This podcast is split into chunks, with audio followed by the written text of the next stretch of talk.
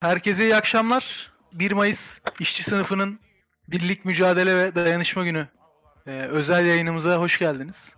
Biliyorsunuz bir süredir Discord kanalı üzerinden çeşitli programlar, okuma grupları, atölyeler vesaire e, yapıyoruz.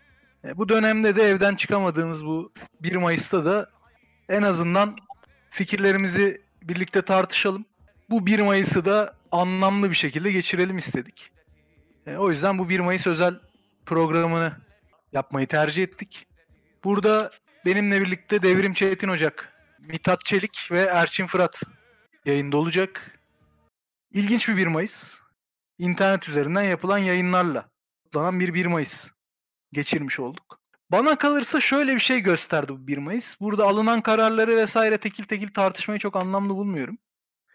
Ee, ama gerçekten şu 1 Mayıs'ın alan tartışmalarına sıkışmış olması öncesinde siyasal hedeflerden, kitlelere amaç göstermekten, yön göstermekten yoksun kalışı dolayısıyla belli tartışmaları yalnızca e, önemli hale getirmişti. Alan da olmayınca bu 1 Mayıs gerçekten e, tamamen tartışmasız, ne yapılacağı belli olmayan, e, heyecan dozu da düşük bir 1 Mayıs oldu. E bu Türkiye gibi 1 Mayıs'ın görece sosyalistlerin toplumsal etkisinin de ötesinde bir anlam taşıdığı e, bir ülkede böyle ciddi bir potansiyel israfı gibi geliyor bana.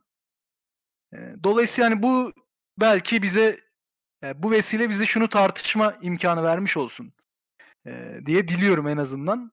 Bu 1 Mayıs'ların içeriği nasıl doldurulur, nasıl işçi sınıfı açısından, sosyalist mücadele açısından, devrimci mücadele açısından anlamlı hale getirilebilir 1 Mayıs'lar diye ben soruyu ortaya atayım. Erçin'le devam edebiliriz. Yani şöyle senin de söylediğin gibi uzun süredir 1 Mayıs'larla ilgili bir problem var. Yani özellikle Gezi'den sonra her yıl acaba ne olacak, nasıl bir meeting olacak, e, neler yaşayacağız diye gidiyoruz. Ama aşağı yukarı ne yaşayacağımızı bilerek gidiyoruz. Bir de her yıl şey e, adettir biliyorsun. Her yerde şey yazılır. E, asıl önemli olan 2 Mayıs diye yazılır. Asıl 2 Mayıs'ta ne yapacağımız önemli diye yazılır ama e, ben son yıllarda hiç 1 Mayıs'ın 2 Mayıs'a devreden bir mücadele başlığı ortaya koyduğunu falan görmedim. Bunlar yazılıp çiziliyor olmasına rağmen. Aslında ortadaki siyasal bir boşluk. Siyasal odaklanma sorunu. Özellikle gezi sonrası dağınıklıkla beraber. 1 Mayıs'ta biraz buna ihtiyacımız var. ortak taleplere, ortak bir siyasete, ortak bir slogana ve bunun etrafında mücadele etmeye. Sadece 1 Mayıs'la sınırlı olan mücadeleye değil. bu yılda biraz bunun devamını, sonucunu evlerde yaşıyor olduk. Ya ben kendi adıma işte sabahtan beri Twitter'a bakıyorum. Hepimiz öyleyiz sanırım. Twitter'da o etkinliğe, bu bilmem neye, şu paylaşıma falan bakıyoruz. Şu saate geldiğimde şey yaşıyorum biraz. Böyle her yıl 1 Mayıs'a gidip geldiğim yorgunluğu yaşıyorum. Yani ciddi bir karmaşa, ciddi bir slogan kalabalığı ve hani sanki gerçekten gün boyu yürümüşüm gibi bir e, yorgunluk yaşıyorum şu an. E, ama ya ikincisi şunu görüyoruz aslında her yıl 1 Mayıs'ta. Bir alanlar dolduğunda onu görüyorduk. Şimdi bu yıl da mesela ben e, balkonlara çıkan insanları gördüğümüzde de bu internetteki coşkuyu yani bir şekilde paylaşımları ne kadar insanın sahiplendiğini gördüğümüzde aslında e, Türkiye sol birikimi e, Türkiye soluna olan bir sola olan inanç Türkiye soluna değil de sola olan inanç e, gölgesi çok büyük bunun. E, ama bu e, bir şekilde ortak bir enerjiye dönüştürülemiyor. Sorunumuz bu. Bu bir yandan güç veriyor. Yani bir yandan birçok insana aslında biz varız yani ve fazlayız hissiyatı yaratıyor. Bu bir açıdan kuvvetlendiriyor. Ama diğer taraf boş kaldığı için bu enerji e, boşa akmış oluyor. Aslında biraz e, bugün de 1 Mayıs'ta sınır siyasetinde e, bunun üzerine tartışalım. Bu boşluk e, nasıl doldurulacak bunu tartışalım diye yapıyoruz bugünü. Ben e, böyle bir girişle başlamış olayım. Sanırım çok karamsar şeyler söylemedim ama biraz gerçekler bunlar. Bir yandan da tabii herkesin 1 e, Mayıs'ı kutlu olsun deyip sözü diğer arkadaşlara bırakayım. Ya ben öncelikle e, Diske yönelik müdahaleden e, bahsedip sonra biraz Erçin'in söylediklerini e, tamamlamayı düşünüyorum. Ya şimdi e, bugün gördük e, AKP iktidarı hani 1 Mayıs'ta Taksim Anıtı'na çelenk bırakılması gibi çok sembolik sayıda kişiden bir eyleme dahi tahammül edemiyor. Bu zaten bildiğimiz bir şey. AKP iktidarının işçi düşmanı olduğu da 1 Mayıs'ın ifade ettiği her şeye bununla beraber düşman olduğu da bildiğimiz bir şey. Bu saldırganlık dolayısıyla e, şaşırtıcı değil. Ama şu soruyu sormamız gerekiyor.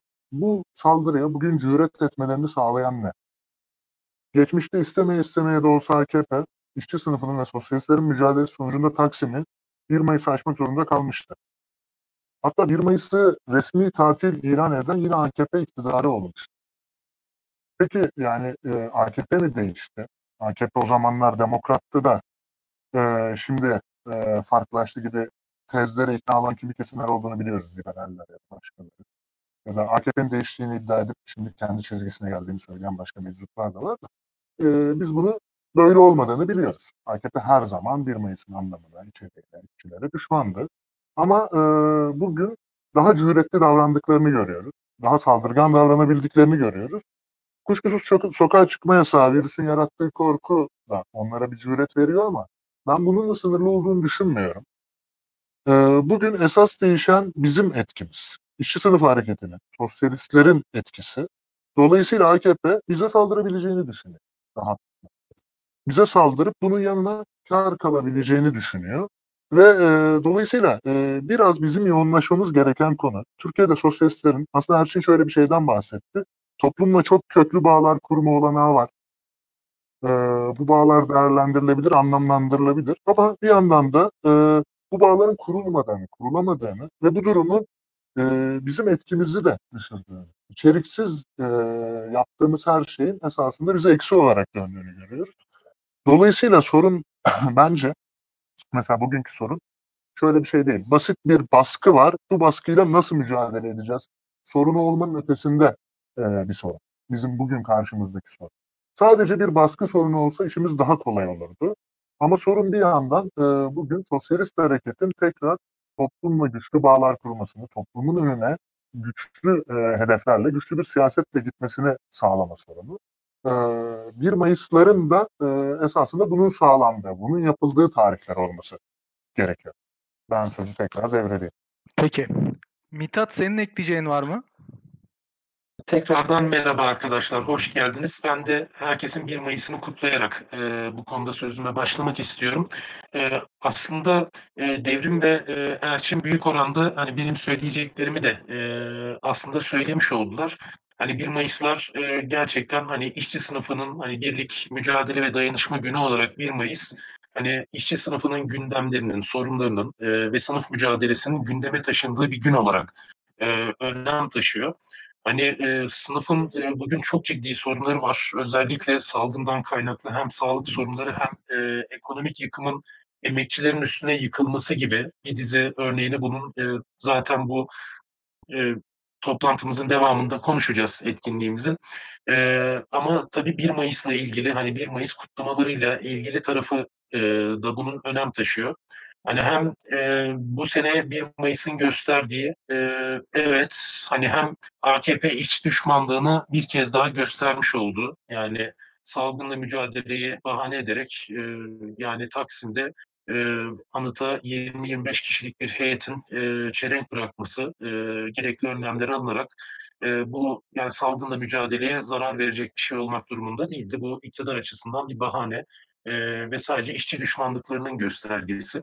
E, ama tabii diğer meseleler de yani e, sınıf bugün çok ciddi problemle karşı karşıyayken e, çok ciddi bir yoksullaşmayla, işsizlikle, e, ücretsiz izin dayatmalarıyla e, ve ölümcül hastalık e, riskiyle karşı karşıya bırakılarak e, işçiler bugün çalışmaya zorlanırlarken hiçbir şekilde işçiler için gerekli önlemler alınmazken e, en basit korunma malzemelerine bile ulaşılamazken e, yani emek hareketinin bu problemleri gündem etmeyi e, aslında çok da başaramamış olması, bu gündemlerin toplumun gündemine e, taşınamamış olması yani bu alanda aslında çok zayıf kaldığımızın, yeterince güç biriktirilemediğinin göstergesi.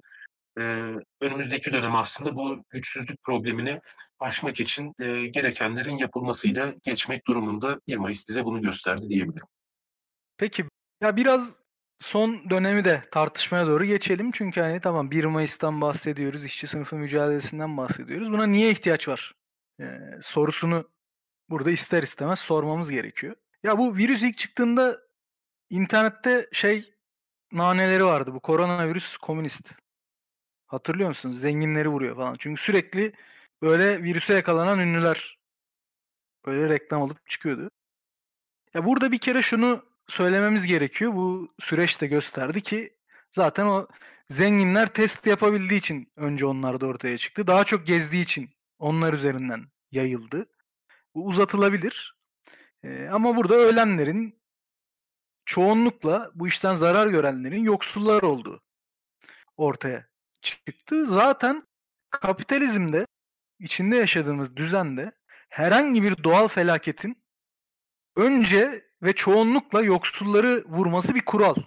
Bu depremde de böyle, başka doğal felaketlerde de böyle.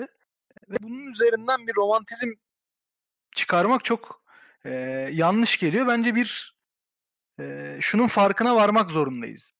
Bizim dışımızda, bizim mücadelemiz dışında, bırakın düzenin kendi kendine değişmesi falan filan, herhangi bir doğal olay ya da doğa üstü olay gelip de adalet sağlamayacak. Böyle bir adalet şeyi yok. Dünyanın böyle bir adalet mekanizması yok. Bunun bir insanlaştırma garip bir yaklaşım olduğu gibi doğanın böyle bir eşitleyici etkisi de yok.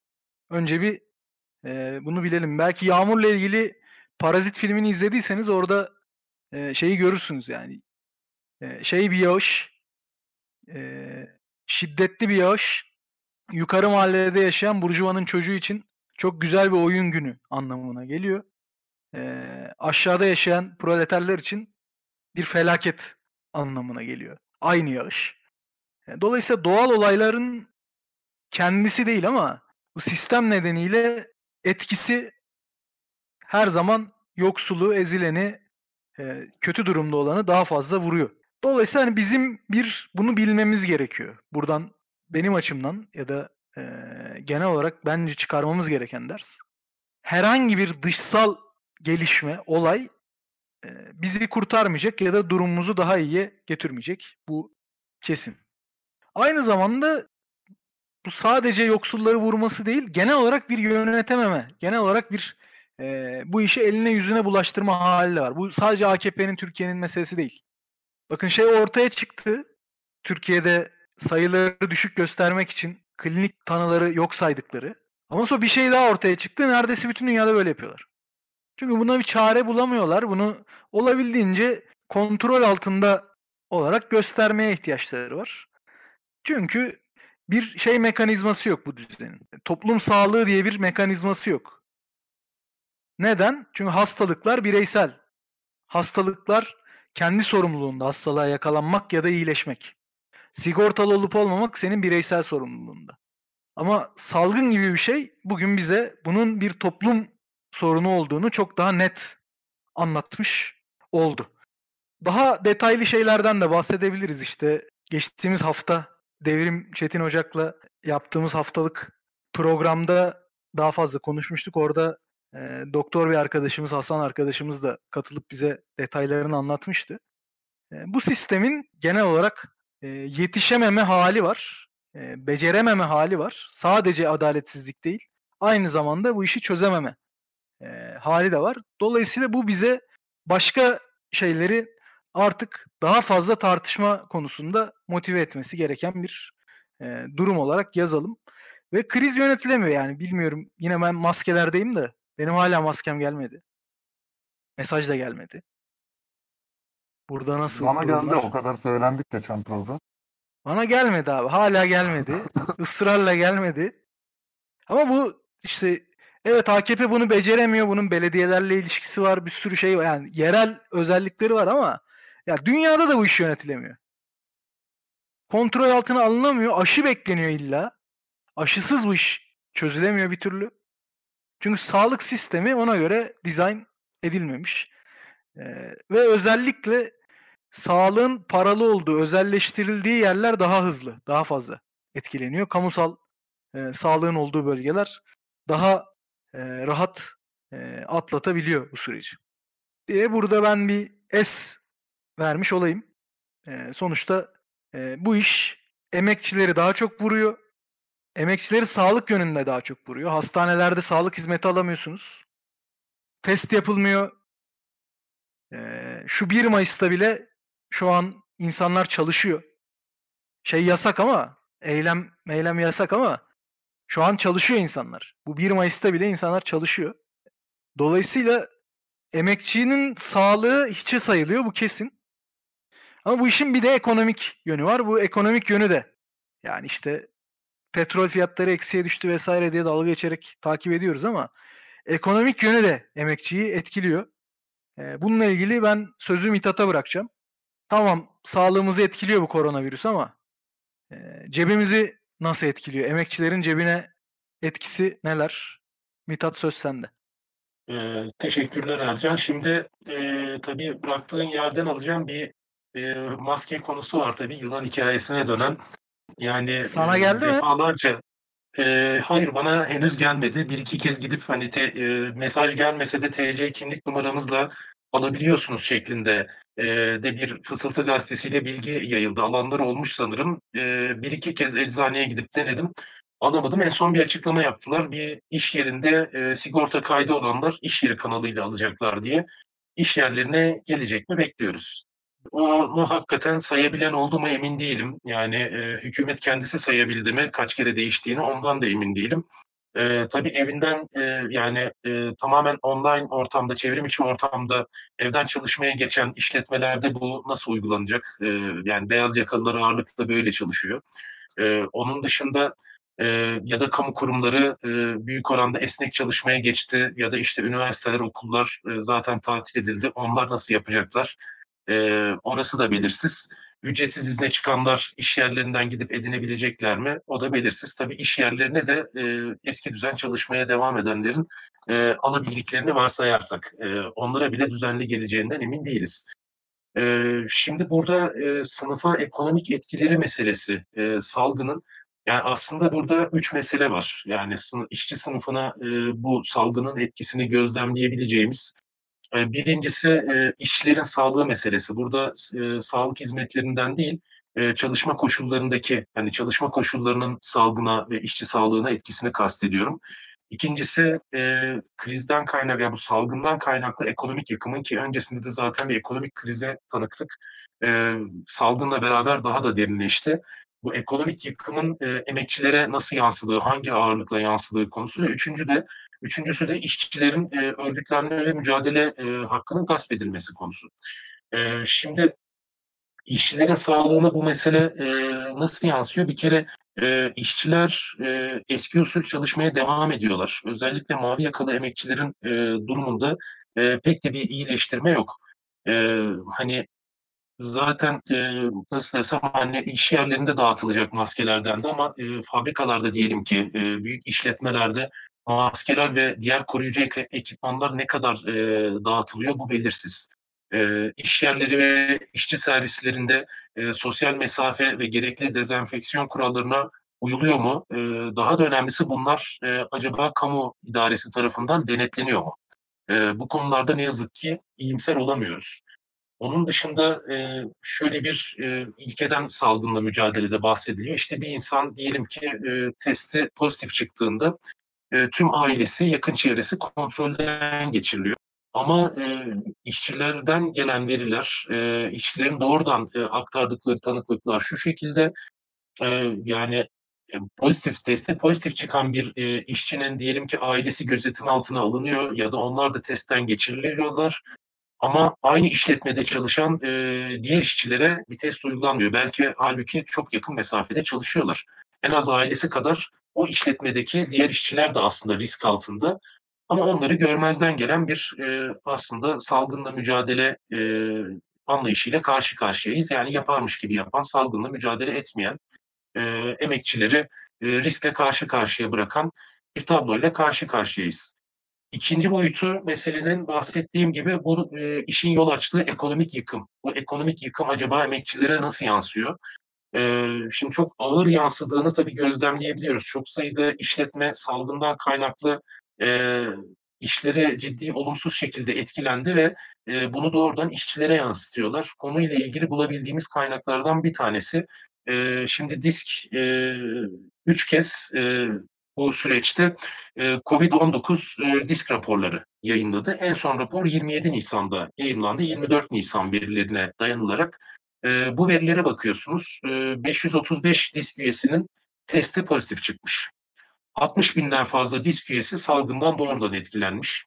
E, ki e, şu an vaka sayılarıyla e, vaka sayılarının ciddi şekilde manipüle edildiğini e, konuşuyoruz. Manipüle edildiğinden de bahsettik. E, bu manipüle edilmiş haline e, doğru kabul eden sayılar bunlar. E, ve oranlara baktığımızda pozitif vakaların Türkiye nüfusuna oranı binde 1,3. 15 yaş e, ve üzeri 15 ve üzeri yaştaki nüfusu oranı binde 1,6. Disk üyesi işçiler arasında bu oran binde 4,1. Yani Türkiye ortalamasının 3,2 katı. Ki e, bu disk üyelerinin ortalaması kayıt dışı işçileri düşünün. E, sendikasız e, iş yerlerini, sendikasız çalışan iş yerlerini düşünün. E, diyelim ki e, yani Türkiye'de özellikle yani İstanbul'da e, diyelim ki Esenyurt gibi e, işte Zeytinburnu gibi bölgelerdeki e, yani belli bölgelerdeki e, mültecilerin yoğun bir şekilde çalıştığı e, ve kayıt dışı çalıştıkları tekstil atölyelerini düşünün, inşaatları düşünün. E, buralara yönelik değerli toplu bir veri toparlanabilse sayıların e, çok daha yüksek olacağını, e, yani disk üyesi işçiler arasındaki oranları bile e, kaça katlayacağını e, aslında öngörebiliriz. E, çok daha korkunç rakamlarla oralarda karşılaşacağımızı öngörebiliriz. E, meselenin üçüncü boyutu da sonuçta bugün e, biz bir 1 Mayıs özel yayını yapıyoruz. Yani işçi sınıfının mücadele gününe dair bir e, yayın yapıyoruz. E, bu salgın sürecinde tabii AKP e, yani patronlara hizmet etmek için işçi düşmanlığını e, dışa vurmak için hiçbir fırsatı kaçırmayan e, ilginç bir parti AKP. E, bu süreci de işçi düşmanlığı için bir kez daha fırsata çevirdiler ve işçilerin örgütlenme hakkına, mücadele hakkına e, doğrudan saldırıda bulundular. Aile Çalışma ve Sosyal Hizmetler Bakanlığı bu süreçte bir genelge yayınladı ve e, aslında sendikal örgütlenmeyi fiilen yasakladı. Yani sendikaların e, üye toplama çalışmalarını sürdürmeleri ya da yürürlükteki toplu sözleşmelerin e, devamı ile ilgili bir problem yok. Yetki başvurusu da yapabiliyorlar ama bakanlık şunu açıkladı. E, yeni yetki başvurularını e, sendikal örgütlenmelere dair yanıtlamayacağını ve yetki alınmış yerlerde de toplu sözleşme ve toplu görüşme süreçlerinin salgınla mücadele kapsamında e, dondurulduğunu, e, salgın geçene kadar bunların e, ertelendiğini açıkladı bakanlık. Şöyle açıklıyorlar, işte bu toplu görüşme süreçlerinde sosyal mesafe önlemleri sonuçta e, korunamayacağını gerekçe gösteriyorlar. Ama yani işçi ve patron temsilcilerinin e, bir araya geldikleri masaya oturdukları toplu görüşme süreçlerinde diyelim ki e, çok çok 8-10 kişi bir araya geliyor. E, yani diyor ki bakanlık bize 8-10 kişinin e, işte işçi ve patron temsilcilerinden oluşan bir araya gelmeleri, toplu sözleşme koşullarını, konuşmaları, salgınla mücadeleyi olumsuz etkiler. Ama aynı işçilerin yüzlerce, binlerce kişi halinde e, işçi servislerinde tıklım tıkış gitmeleri, maskesiz çalışmaları, eldivensiz çalışmaları, dezenfekte edilmemiş ortamlarda e, ve düzenli sağlık kontrolleri yapılmadan çalışmaları salgınla mücadeleyi etkilemez. Bakanlık bize bunu iddia ediyor. Yani bu da aslında e, eğer durdurulacaksa e, hayatın akışı için salgın e, sürecinde ve salgınla mücadele için e, yani zorunlu olmayan alanlarda aslında üretimin durdurulması e, ve işçilere ücretli iznin e, hükümet e, tarafından güvence altına alınması gerekir. Şimdi bunu yapmıyorlar. E, bunu yapmadıkları gibi e, üretime devam eden işletmelerde e, sağlık kontrollerine, salgınla mücadele, işçi sağlığı konusunda gerekli önlemlerin alınmasını da denetlemiyorlar. E, ne yapıyorlar önlem için? 8-10 kişinin bir araya geleceği ve çok sayısı da fazla değil bunların. Sadece sendikal örgütlenmesini tamamlamış, yetkiyi almış iş yerlerinde yapılacak bu. E, sayısı da çok fazla değil. buradaki e, toplu görüşme süreçlerini durdurmak akıllarına geliyor. Yani aslında sadece sınıfın örgütlenme ve mücadele hakkını gasp etmeyi anlıyorlar. E, salgınla mücadele ve sosyal mesafe e, denildiğinde. Peki durum bu. O zaman tabii ki yine başa dönelim ve sorumuzu soralım. Ne yapmak gerekiyor bu durumda? Yani tamam işte e, adaletsizlik var, sıkıntı var, sorun var, sömürü var ve her şey işçi sınıfının sırtına yükleniyor. Tamam. Anladık. Şimdi ne yapmamız lazım? Burada biraz da buraya doğru yönelelim yavaştan. E, Erçin söz sende. Peki dönelim. Ya biraz şöyle aslında e, sen söyledin ya bir sistemin becerememe hali diye. Yani bu özellikle son bu vakalarla birlikte çok fazla gün yüzüne çıktı ama e, bir süredir böyle bir hal var. Yani bir süredir kapitalizmden ciddi bir rahatsızlık var. E, bir süredir birçok şeyin becerilemediği söyleniyor ama iş o kadar karmaşıklaştırılıyor ki yani sanki e, bu kapitalizm denen şey ne? Hani bu bu kötü bir şey ama bunu anlamayalım diye her şey yapılıyor sanki. Yani farkındaysanız her, her düzlemde bir kapitalizm karşıtlığı var. Netflix'te de var, yapılan filmlerde de var, söylenen sözlerde de var ve her düzlemde var. Ee, ama şu kaçırılıyor ortadan. Yani kapitalizmin özünde bir sınıfın düşmanlığı var. Ve o sınıfın üstünden ekmek yiyerek iktidarda kalma var. Ama bu ortadan kaldırılıyor bir biçimde. Şimdi de bu olacak. Yani e, geçenlerde bir yazı çıkmıştı işte korona ile birlikte yeni sınıflar oluştu diye. Yani hemen yeni bir karmaşıklık yaratmak için yeni sınıflar oluştu. E, ve bu sınıflar işte bir tanesi evinden çalışanmış ama öbür, öbürü e, hala işe gidenmiş. Öbür diğeri bilmem ne yapanmış falan filan. Aslında ne yapmak e, gereğin cevabı biraz bu karmaşıklığı ortadan kaldırmak. Yani kapitalizm hep bu karmaşıklığın içinde kazanıyor. Bazen kendi eliyle kendini kötüleyerek bile bu biçimde kazançlı çıkıyor. Çünkü dağıtıyor, parçalıyor. Karşı tarafı, karşı tarafın fikir birliğine ulaşmasını engelliyor, sınıfı parçalıyor. Ve bu parçalanmışlık hatta bizim cenahtan da destekleniyor. Dediğim gibi teoriler ortaya atarak, dediğim gibi sonuçlar ortaya çıkarak falan bir kere bunu dağıtmak lazım. Yani e, bu e, safları netleştirmek, kapitalizmin ne olduğunu ve bunun nasıl yenileceğini belirlemek gerekiyor. Dolayısıyla birinci aşama budur aslında. Birinci aşama e, bu bazen sanki şimdi bize diyorlar ya bunu söyleyince ya bunlar çağ dışı kaldı, ideolojiler öldü falan filan. E, böyle bir şey değil. Israrla bu bilimsel gerçeği hatırlatmak gerekiyor. İki tane sınıf var meselesi. Bu önümüzdeki günlerde çok daha fazla karşımıza çıkacak. E, burada avantaj ne?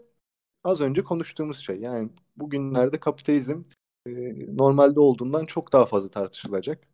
E, işte yine senin söylediğin bu kapitalizmin sonu mu geldi meselesi tartışılacak. E, ikinci mesele de bu. Kapitalizmin sonu tabii ki kendi kendine gelmeyecek.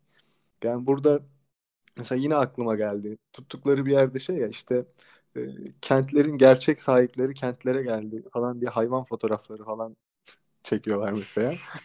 yani niye sahibi hayvanlar kenti bilmiyorum ama hani tabii ki kapitalizm bir doğa katliamı yapıyor bazı yerlerde. Ormanın hani, sahibi de biz oluyoruz ha bu durumda. Evet dolayısıyla yani hani böyle e, ne olduğu belli olmayan bir kapitalizm eleştirisi. E, dolayısıyla hiçbir işe yaramıyor. Yani e, sanki böyle biraz hani karikatürleştireceğim böyle kapitalistler bir yerden oturup bun, bunları izleyip gülüyormuş gibi bir şey hissediyor insan. E, dolayısıyla bu ilişkiyi tekrar e, yerli yerine oturtup buna göre mücadele vermek gerekiyor. E, bu mücadelenin tabii e, buradan sonrası da az önce hani 1 Mayıs için söylemiştim. Bir e, siyasal talep, bir e, ortak slogan yoktu meselesi. E, burada bu dağınıklık, özellikle işçi sınıfının dağınıklığı, e, kapitalizmin kuvvetli ideolojik aygıtları var çünkü. E, doğru siyasi talepler etrafında ancak araya gelebilecek. Yani tek başına e, ekonomik taleplerle bu e, yoksulluğun artması, işsizlik falan gibi meseleler tabii ki çok gündem olacak ve insanlar da kapitalizm öfkeyi artıracak ama bunların mutlaka doğru siyasi taleplerle e, bir araya getirilmesi gerekiyor. E, İkinci mesele bu. Özetle kral çıplak ama bunun doğru bir şekilde anlatılması, sade bir şekilde anlatılması ve buna karşı harekete geçilmesi için yine eee, anlamlı bir planın kurulması gerekiyor. Özetle aslında durum bu. Şimdi burada eee, sözü devrime bırakalım. Eee, nasıl olacak bu iş?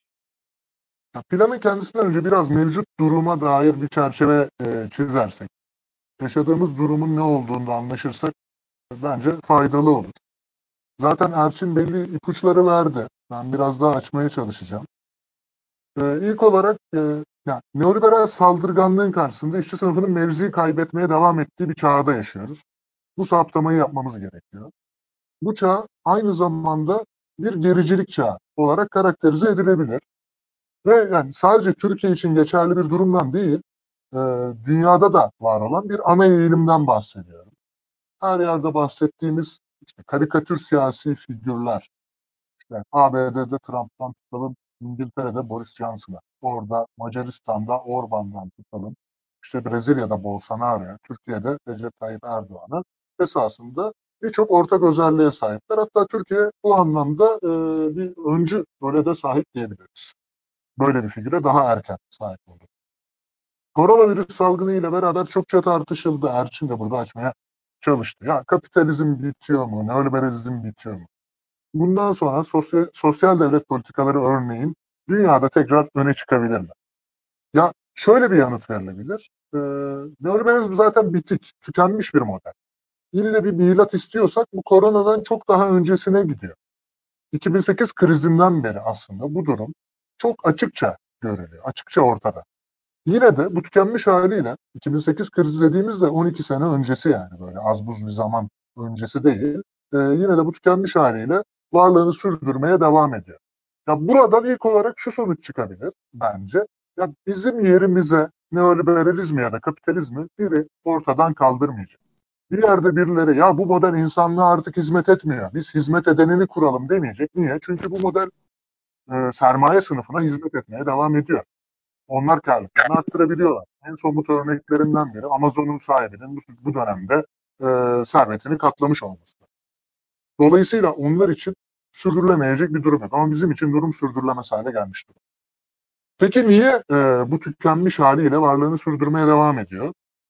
Çünkü alternatifi oluşturabilecek yegane güçler yani işçi sınıfı ve e, onun siyasal alandaki temsilcisi olan sosyalistler bu süreci çok zayıf ve çok hazırlıksız yakalandılar. Bugünkü meselemiz bu e, hazırlığın bugünün koşullarında nasıl yapılacağı meselesi. Böyle bir tartışmanın yürütülmesi meselesi. Buradan e, Türkiye'ye odaklanarak e, biraz ilerleyecek olursak, Türkiye'deki durumu ayrıntılandırarak ilerleyecek olursak, bu tartışmanın nasıl yürütüleceği, hazırlığın nasıl yapılacağı meselesine belki ilerisinde gelebiliriz. Ama Türkiye'deki durumu biraz açalım. AKP iktidarı e, neoliberal saldırganlığın dizginsiz hale gelmesini ifade ediyor Türkiye'de. Buna aynı zamanda karşı devrimci bir hesaplaşma da eşlik etti. Ve bu ikisinin el gitmesi hiç de şaşırtıcı değil. Çünkü kapitalizm varlığını sürdürmek için giderek daha fazla gericiliğe ihtiyaç duyuyor. Böyle bir çağda yaşıyor. Gerici politikalar yalnızca şunu hedeflemiyor. Bugün işte daha fazla dincilik, daha fazla milliyetçilik e, aşılayalım toplumlara. Bu şekilde yönetelim demiyor. Aynı zamanda geçmişte ilericiliğe dair ne varsa herhangi bir ülkede, nasıl bir birikim varsa bunları da hedef alıyor, bunları da tasfiye etmeye çalışıyor. AKP'nin ülke tarihiyle girdiği hesaplaşma da e, biraz böyle bir çerçeveye oturtulabilir bana kalırsa. Yani bir yanda aslında neoliberalizm özelleştirmelerle, kamu kaynaklarının talanıyla bir tasfiyeye girişirken ekonomik alanda Diğer yandan da gericilik eliyle örneğin halkın yurttaştan teba haline getirilmesi, laiklik, cumhuriyet gibi e, fikirlere yönelik saldırılarla e, başka bir e, tasfiyeye girişiyor. Liste uzatılabilir. Çok fazla e, uzatmak istemiyorum örnekleri. Peki bu tablonun bize yüklediği görev ne? Bana kalırsa e, açık bir görev var. Hem neoliberal yıkım e, ile hem de e, karşı dalga, devrimci dalga ile hesaplaşmak. Bu e, hesaplaşmayı sağlayacak bir çerçeveyi ortaya çıkarmak, bir siyasal projeyi ortaya çıkarmak gibi bir görev düşüyor bana kalırsa bize.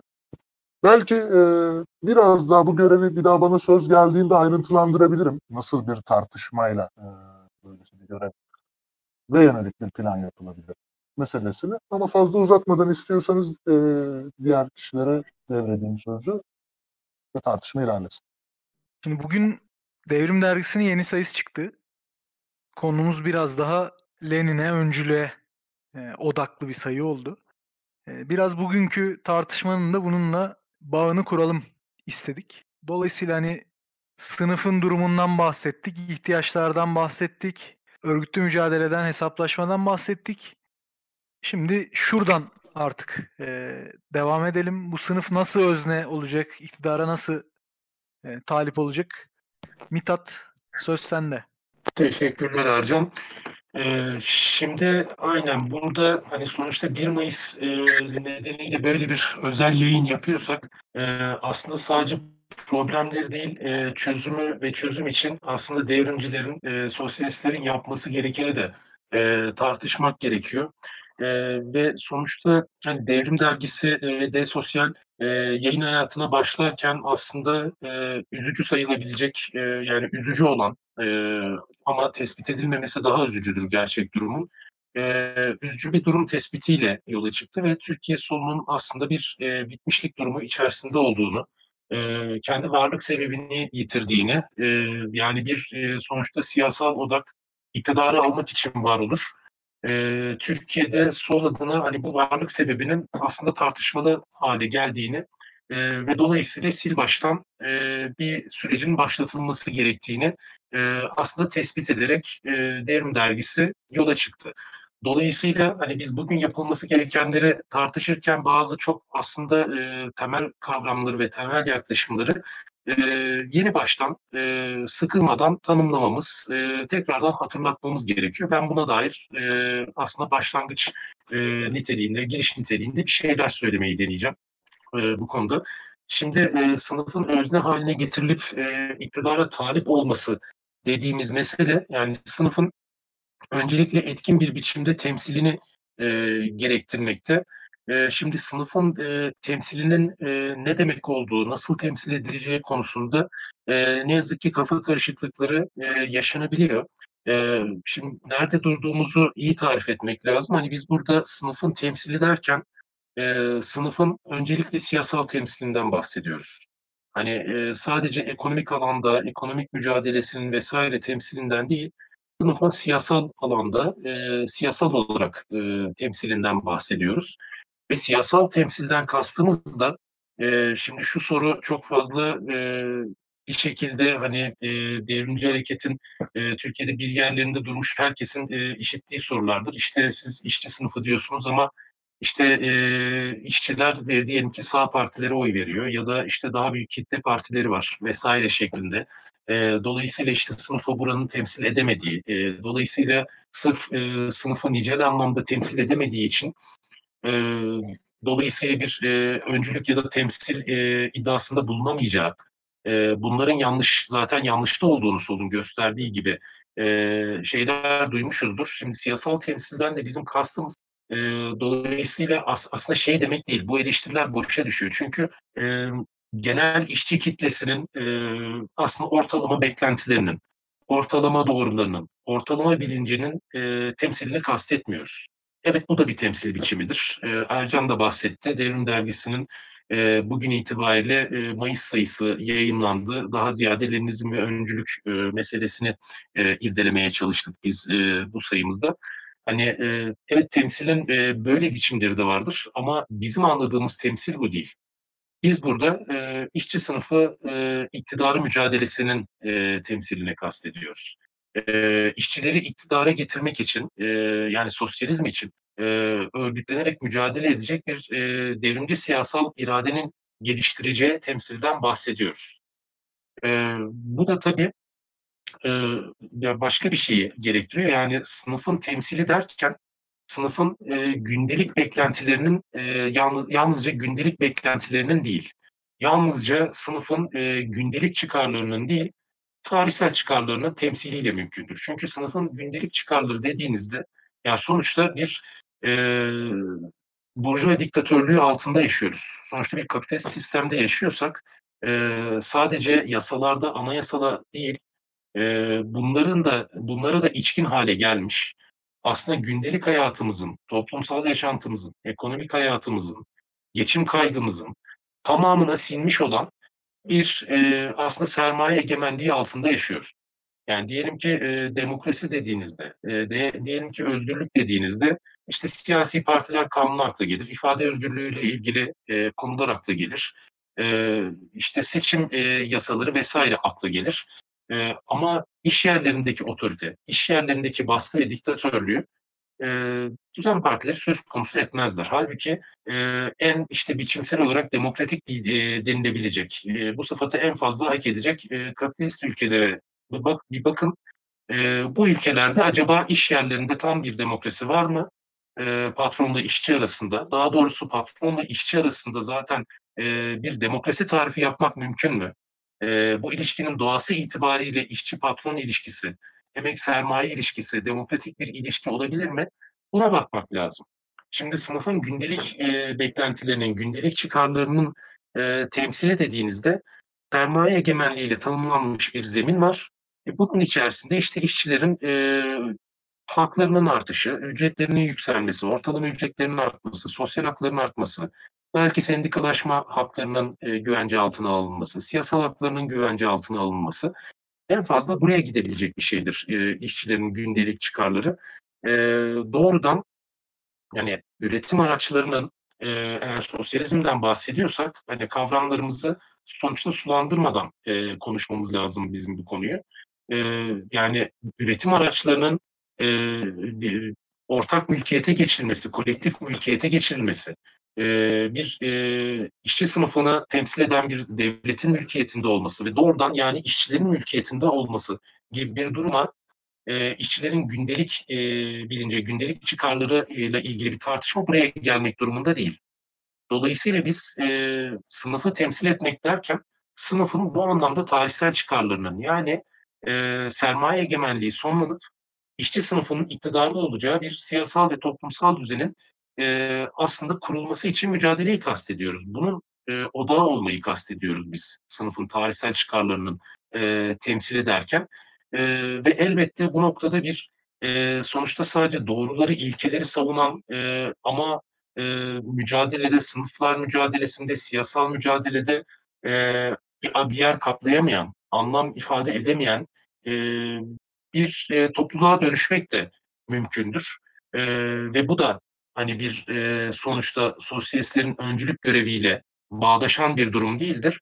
Dolayısıyla sınıfın tarihsel çıkarlarıyla gündelik ihtiyaçlarını çakıştıran, sınıfın e, gündelik ihtiyaçlarına yönelik müdahaleleri, buna yönelik çalışmayı sınıfın tarihsel çıkarlarına dayanan bir e, eksende örgütleyen bir siyasal iradenin yaratılması sorunudur. Sınıfın siyasal alanda temsili. E, bizim açımızdan problem budur ve e, dolayısıyla bu e, işçiler arasında sadece sınıf bilincinin yani sadece ekonomik bilincin sınıf olunduğu ve bir sömürü ilişkisi olduğu patronlarla arasında hani buna dair bir e, bilincin yaygınlaşması dolayısıyla e, bu tarz bir e, siyasal temsil görevi açısından yeterli değil. Bunun yanında bir sosyalist siyasal bilincin de dolayısıyla yaygınlaştırılması gerekiyor ve dolayısıyla e, bunu yapacak olan e, devrimci e, siyasal iradenin işçi sınıfını temsil eden yaratılması gerekiyor ve bu iradenin aynı zamanda e, sadece sınıfın e, tarihsel çıkarlarını e, didaktik bir biçimde e, sadece e, doktriner alanda anlatmakla yetinmeyip e, sınıfın gündelik ihtiyaçlarıyla ilgili e, mücadele başlıklarında da önderlik etmesi gerekiyor. E, bu anlamda e, aslında biz e, öncülük dediğimizde yani sınıfın siyasal temsili e, dediğimizde e, bu iki görevin yani sınıfın e, gündelik ihtiyaçları için e, gerekli e, bununla ilgili mücadele başlıklarına e, önderlik etme becerisiyle sınıfın e, tarihsel e, çıkarlarının doğru bir biçimde, tutarlı bir biçimde e, temsilinin bir arada birbirini besleyecek biçimde aslında yürütülmesini e, kastediyoruz ve e, bu bütünlüğün, böyle bir bütünlüğün de e, bize Leninizmin sunduğu öncülük teorisiyle yakalanabileceği iddiasındayız. Ve e, şunu söyleyerek e, ben bu konuda sözümü tamamlayayım. E, Devrim Dergisi'nin e, bugün yayınlanan Mayıs sayısında da Lenin'in düşüncesini e, ve Leninizmi e, biz bu yönüyle tartıştık. Öncülük meselesini e, bu yönüyle tartıştık e, ve salgın nedeniyle sadece dijital olarak yayınlandı Devrim Dergisi ve ücretsiz olarak erişime e, açık olarak dsosyal.com'dan ulaşabilirsiniz. E, bu vesileyle de e, Devrim Dergisi'ni tekrardan e, dinleyicilerimize e, tavsiye etmiş olalım. Teşekkür ederiz. Ben devrime sözü bırakacağım Devrim Çetin Hoca ama öncesinde de birazcık e, şey yapayım bu çalışma hayatının demokratikleşmesi oradaki aslında bunun hiç tartışılmaması. Bunu böyle haftalıkta bu hafta gündem edemeyiz ama öbür hafta bir gündem edelim bence. Yani bir tartışma konularımızdan bir tanesi bu olabilir. Ya böyle sürekli çünkü şimdi Mithat konuşurken daha çok aklıma geldi de ya sürekli iş dışında ne yapacaksın? Hobilerin ne? Bilmem ne ne. Tamam da zaten senin hayatının çoğu işte geçiyor abi. Sen orada herhangi bir hakimiyetin, herhangi bir etkin, herhangi bir varlığın, iradenin olmayacağı ön kabulüyle hayatına devam ediyorsun. Bu gerçekten bizim de birazcık programa gündem edebilir miyiz bunu sence? Hem de tartışmamıza biraz daha devam edelim. Çünkü Mithat Çelik bir e, iktidara talip olmaktan bahsetti. E, burada yol haritası nedir, nasıl oluşturulacak? E, buna dair ne düşünüyorsun? Ya önce program meselesinden başlayalım. Ee, ya bence gündem edebiliriz. Bir de koronayla beraber şöyle bir durum da ortaya çıktı. Şimdi Erçin konuşmasında söylemişti. Neymiş? Birkaç sınıf varmış. Evden çalışanlar, işte işe gitmek zorunda kalanlar falan filan. Ya o Yani moda oldu an- ya. Her şeye Hı. sınıf, her şeye sınıf. Şu an e, şöyle bir durum var ya evden çalışanları böyle elit çok iyi koşullarda falan filan e, varsayma eğiliminde insanlar. Evet evden çalışmak bu anlamda hastalığa yakalanmama anlamında bir avantaj olabilir ama şu an beyaz yakalı kes dediğimiz kesimlerin e, iş günü kavramı, iş saatleri, çalışma saatleri kavramı ortadan kalkmış durumda. Abi sadece çalışma saati değil. Patron tamam mı? Yemeği de sana kitliyor. Ekipmanı da sana kitliyor. İnternet parası, elektrik parası, her şey sana kitliyor. Müthiş bir Bir de model yani. yıpratıcı bir şey abi tamam mı? Evde e, ben geçen yaz full evden çalıştım. İnsanın psikolojisi bozuluyor. Yani, e, Yani bu anlamda sosyal bir ihtiyacımız da var yani. daha fazla kontrol bile sağlayabiliyor. Ee, çünkü teknoloji bu kadar gelişti. Ee, insanları hani e, takip etmek, çalışıp çalışmadığını da takip etmek çok rahat. Yani evde diye insanlar çalışmıyor değil. E, kesinlikle daha çok çalışıyor. Zaten e, çalışan e, dinleyicilerden hemen e, bu yönde yorum- yorumlar geliyor. Ben yine e, reklamlar kuşağını bitirmemiş olayım. Çünkü arada e, ortak e, soru cevap kı- katkı kısmına gelmedi de bana bireysel olarak bir dinleyicimiz pek de kıramayacağım biri bir iki ek yapmamı e, söyledi ilk konuşmamı. E, ben o iki yapayım. Onu da bizim haftalık programına bağlayarak devam edeyim. E, AKP'nin Cumhuriyete yönelik saldırganlığından bahsederken özel olarak aslında Baro, TTB gibi kurumları esasında Cumhuriyet'in miras sayabileceğimiz kurumları da hedef altına e, hedef aldığını söyledi dinleyicimiz. Çok doğru bunlar. Çok somut ve çarpıcı örnekleri e, bana kalırsa. Yarın e, haftalık programında zaten e, Baro ile ya Baro'nun hedef alınmasını bu Diyanet tartışması çerçevesinde gündem almayı planlıyoruz.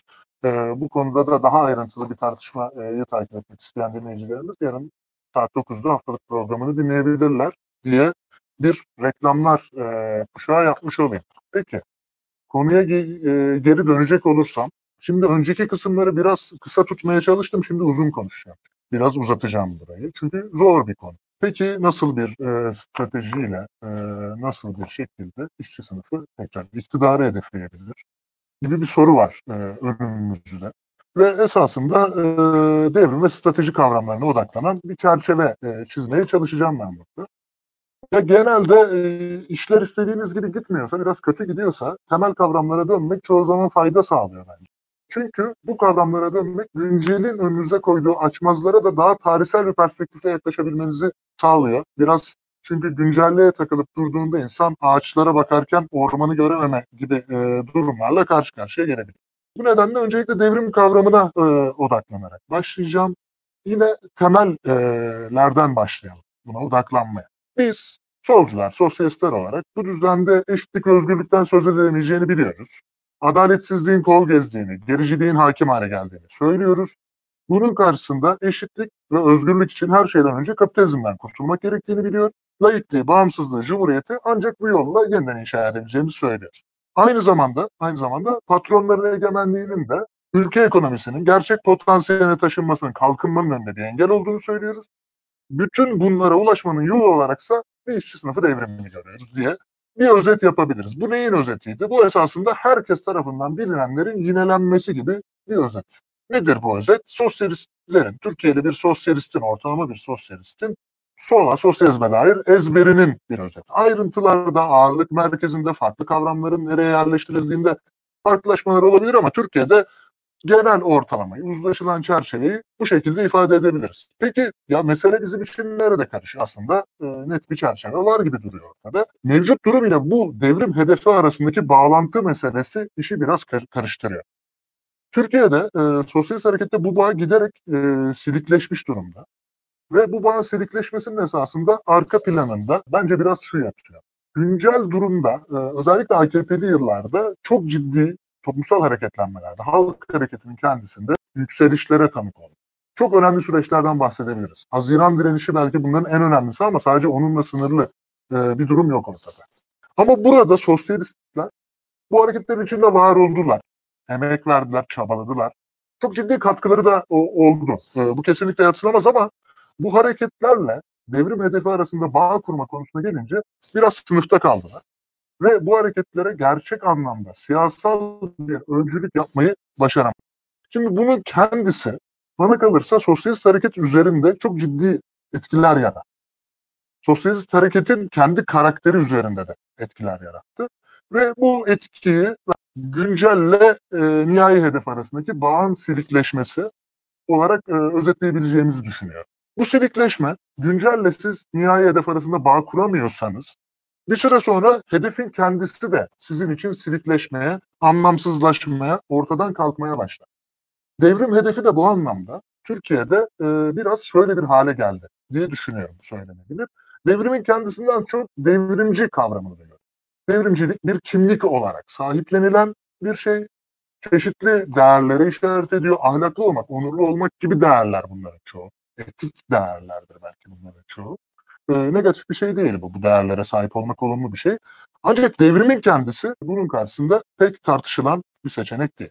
Ve bu tablo e, bence hakim olan e, bu hedefin silikleşmesi, hedefe dair inançsızlık diye de genişletebileceğimiz tablo esasında sosyalistler içinde iki seçenek arasında bir sıkışma yaratıyor bana kalırsa.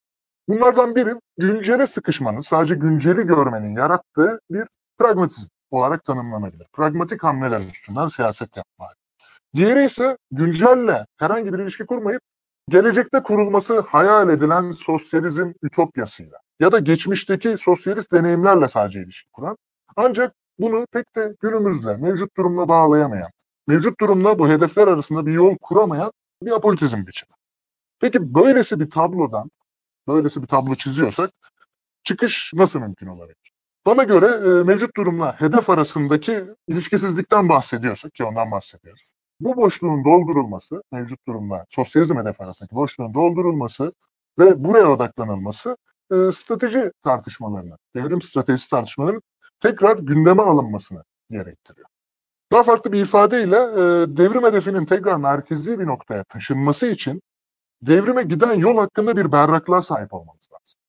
Çünkü nasıl ulaşacağımızı bilmediğimiz bir şey bir süre sonra bir süre sonra bizim için gerçek bir siyasi hedef olmaktan çıkıyor e, bizim hedeflerimiz e, daha sınırlı bir hale gelmeye başlıyor. Örneğin görece demokratik bir Türkiye olsa iyi olmaz mı gibi hedefler.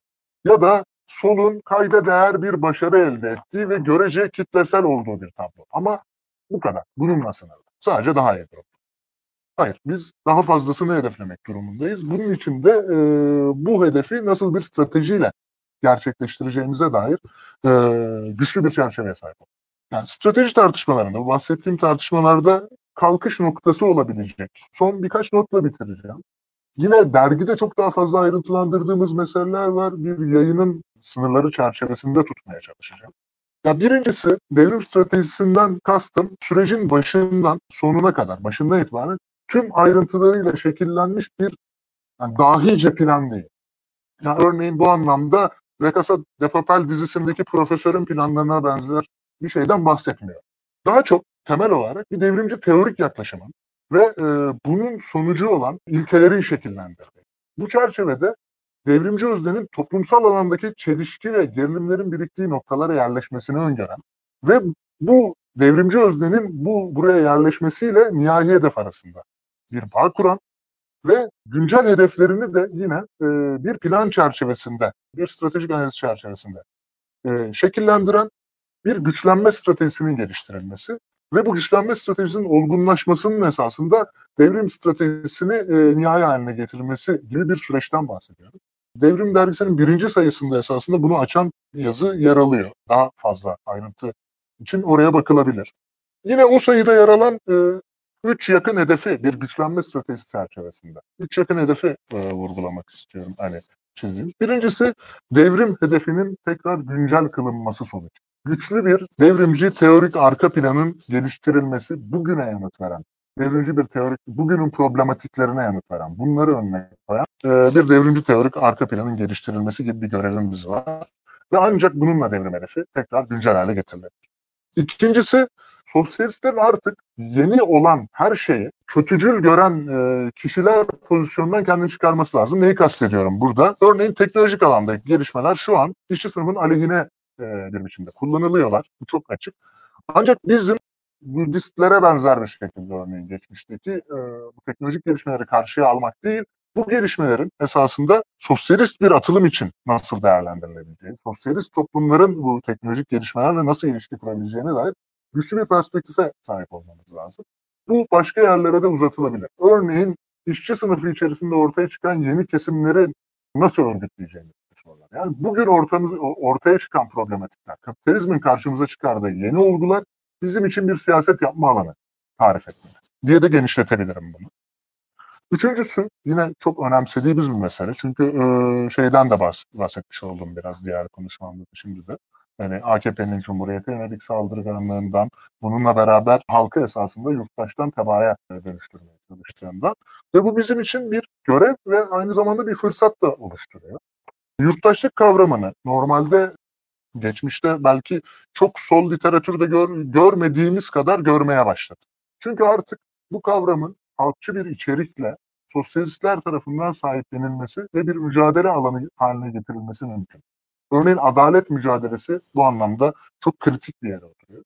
Dolayısıyla yurttaşlık kavramının temsiliyetini almak e, bugün sosyalistler için yakın hedef anlamında çok kritik bir yerde duruyor diye düşünüyorum. Bu bağlamda e, biraz daha e, belki şeye dair birkaç nokta bitirebilirim.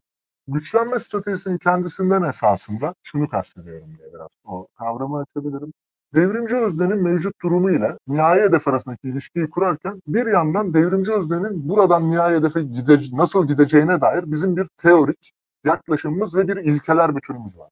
İkincisi ne vardır stratejide? Buraya gidilecek yolun ara aşamalarına dair çeşitli fikirlerimiz var. Bu aşamalara dair çeşitli fikirlerin o güncellikteki siyasi hatta kurduğu ilişki üzerinden şekillendirilen bir stratejik ara aşama olarak tarifliyorum güçlenme stratejisini. Belki sonra başka yayınlarda e, daha ayrıntılı tartışabiliriz. Dolayısıyla ancak böyle bir perspektif üstünden gerçekçi, bütünlüklü e, bu böylesi bir stratejinin yapacağı sıçramalar üzerinden bütünlüklü bir devrim stratejisi geliştirilebileceği fikrindeyim. E, böyle de özetlemiş olayım. Peki son olarak yine bir Erçin'e sözü verelim. İşçi sınıfı iktidara gelmesi gerekiyor. Bunun bir yol haritasına, bir stratejiye ihtiyacı var. Burada güçlenme stratejisinin önemi var. Ama burada bir özne ve bu özne nasıl inşa edilecek sorusu artık daha fazla önem kazanıyor bu aşamada. Yani şöyle bir bölümlendirme oluyor ya. Hadi şimdi ne yapacağız onu anlat kısmı hep kalıyor. o da gerçekten biraz zor bir şey. Evet abi biz şimdi bitecek program. Sonra ne yapacağız? 2 Mayıs'a hazırlanacağız. Ya şöyle. ya ne yapacağız burada arkadaşlar? O az önce e, anlatmaya çalıştığım şeyler. Bu sınır siyaseti denen e, meselenin güçlenmesi. e, aslında birçok ayağı birden besliyor. Hani bunu kuvvetlendirecek bir öncünün yaratılmasından bahsetti e, devrim. Ben hani o yüzden önceye tekrar çok değinmeyeceğim ama ya mesela bugünkü bir şeyi anlatayım. Ben şimdi Zeytinburnu'ndayım. Zeytinburnu bir dönem çok fazla deri işçisinin olduğu bir yer. Şimdi de tekstil işçileri olan falan bir yer. Koronadan sıkılmış emekli deri işçisi amcalarla balkonda muhabbet ettim biraz gün boyu. Öyle bir 1 Mayıs geçirmiş oldum. Ve şeyi konuşuyoruz yani ağırlıklı bunlar 70'lerde belki 60'ların sonlarında işçilik yapmış, işçiliğe başlamış insanlar. Yani haklarından o dönemki şeylerden falan biraz dinlediğimde yani gerçekten başka bir ülke gibi. Gerçekten birçok konuda işçi hakları e, çok daha kuvvetli. Sendikal haklar çok daha kuvvetli. Peki bu neden yani? Bu e, işte o dönem patronlar daha iyi 60'lar bak daha iyi insanlar yaşıyordu burada falan filan diye değil. Bizim ideolojimizin, işçi sınıfı ideolojisinin kuvvetli olması ile ilgili. Dünyada ve Türkiye'de. Bizim dolayısıyla hani böyle tek başına ekonomik taleplere indirgerek tek başına sınıfın koşullarının iyileştirilmesini savunarak atacağımız adımlar değil atacağımız adımlar. Aksine bu sınıfın siyasetini, e, bunun temsilcisini kuvvetlendirmek için atacağımız adımlar önemli. E, yani Türkiye'de sosyalist ideolojiyi kuvvetlendirmek bu dönemde önemli. E, bunların hepsinin tekrar hayata geçebiliyor olması için. Yani bunların başlangıç noktası e, bizim açımızdan bu. Bunun için şunu çok önemsiyoruz. Hani e, devrim söyledi ya temellere dönmek diye. Gerçekten temellere dönmeye ihtiyacımız var. Çünkü az önce anlatmaya çalıştım. Olabildiğince karmaşıklaştırıyorlar süreci. Bizim de olabildiğince sadeleştirme. Çünkü çok sade biçimde kapitalizm karşıtlığı var. Bizim bunu sade biçimde e, bir tarifini yapmamız gerekiyor. İkincisi de e, bu şey dediğimiz meselede yani nesnellikle bugünkü konumla devrime uzanan yol. Devrime uzanan yol e, bu açıdan bizim için çok önemli. Hani o sonu e, kaçırmamamız gerekiyor ama sona ulaşmak için atacağımız adımları doğru hedeflememiz gerekiyor. Yani bir açıdan bir e, bunu savaş stratejisi gibi düşünebilirsiniz.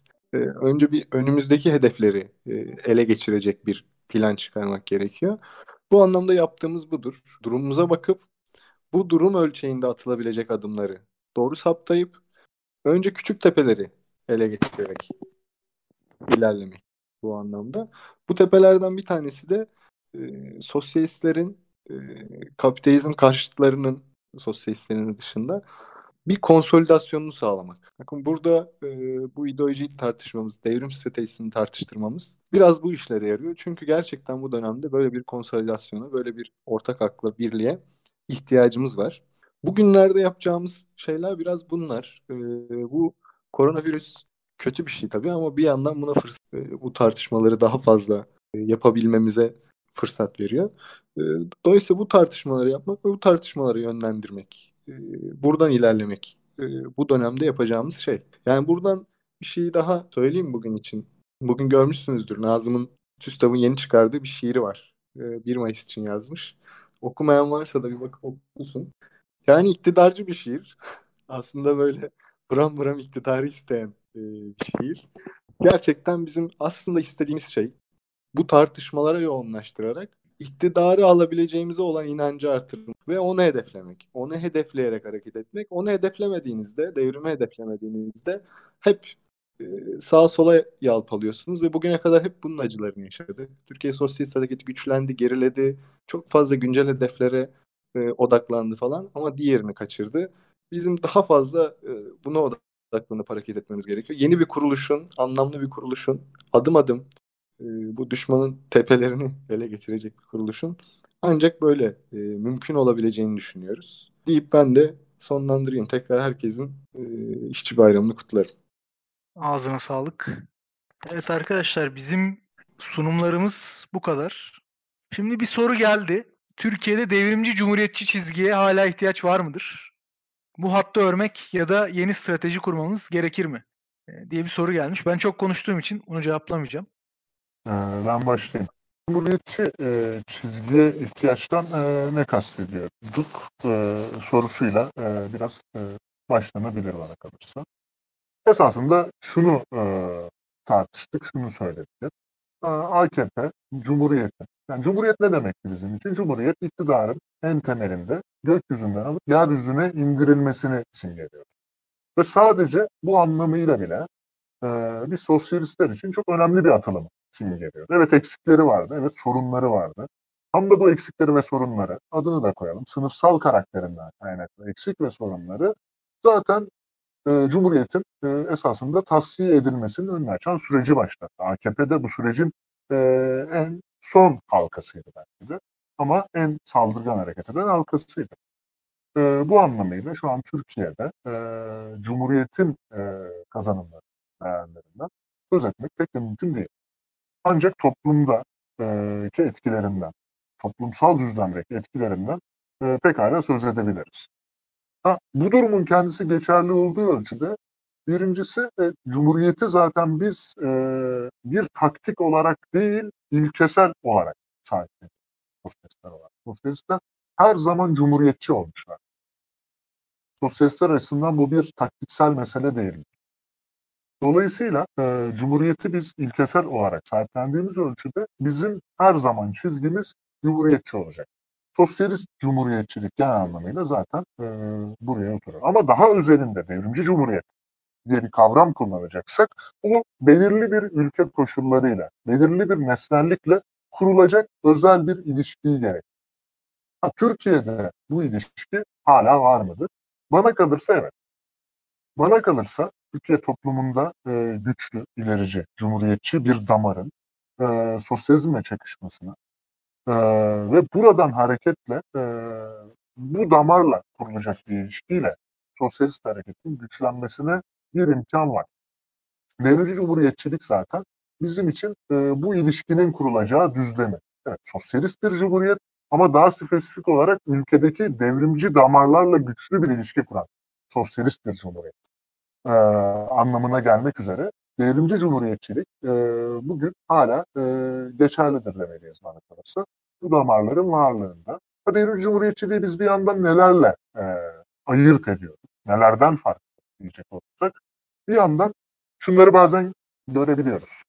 Türkçü faşizan yorumları e, da kendisini cumhuriyetçilik çerçevesi altında ya da AKP karşıtı çerçevesi altında ortaya koyduğunu görebiliyoruz. Bizim bunlarla bir mesafe çizmemiz zaten e, kaçınılmaz. Bunun dışında yine aslında bir çeşit korumacılığın, daha e, liberal bir demokratizmin de cumhuriyetçilikle zaman zaman ilişkiler kurup daha içeriksiz bir e, cumhuriyetçiliği öne e, sürdüğünü görebiliyoruz.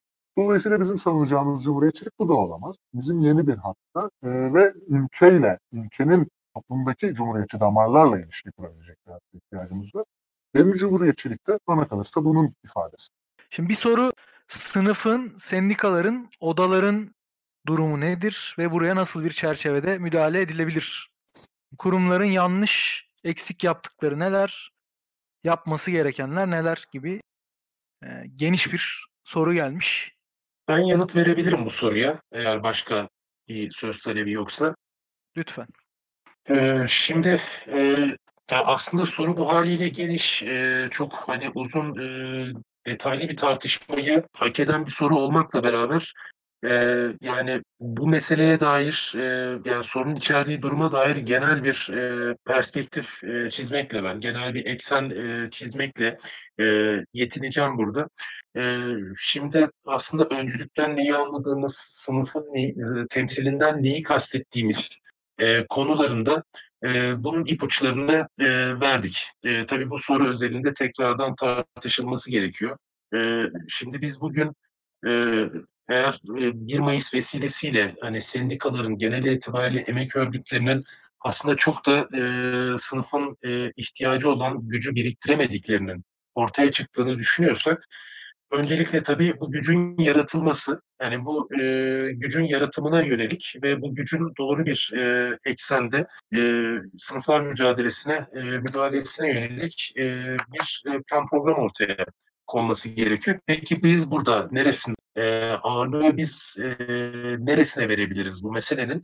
E, şimdi biz sınıfın siyasal temsilinden esas itibariyle sınıfın yani sınıfın temsilinden esas itibariyle sınıfın siyasal temsilini e, ve siyasal temsilden de sınıfın tarihsel çıkarlarının e, temsilini anlıyorsak en başta e, aslında işçi sınıfını siyasal alanda temsil edecek devrimci iradenin e, yaratılması ve güçlenmesine burada ağırlık verilmesi gerekiyor.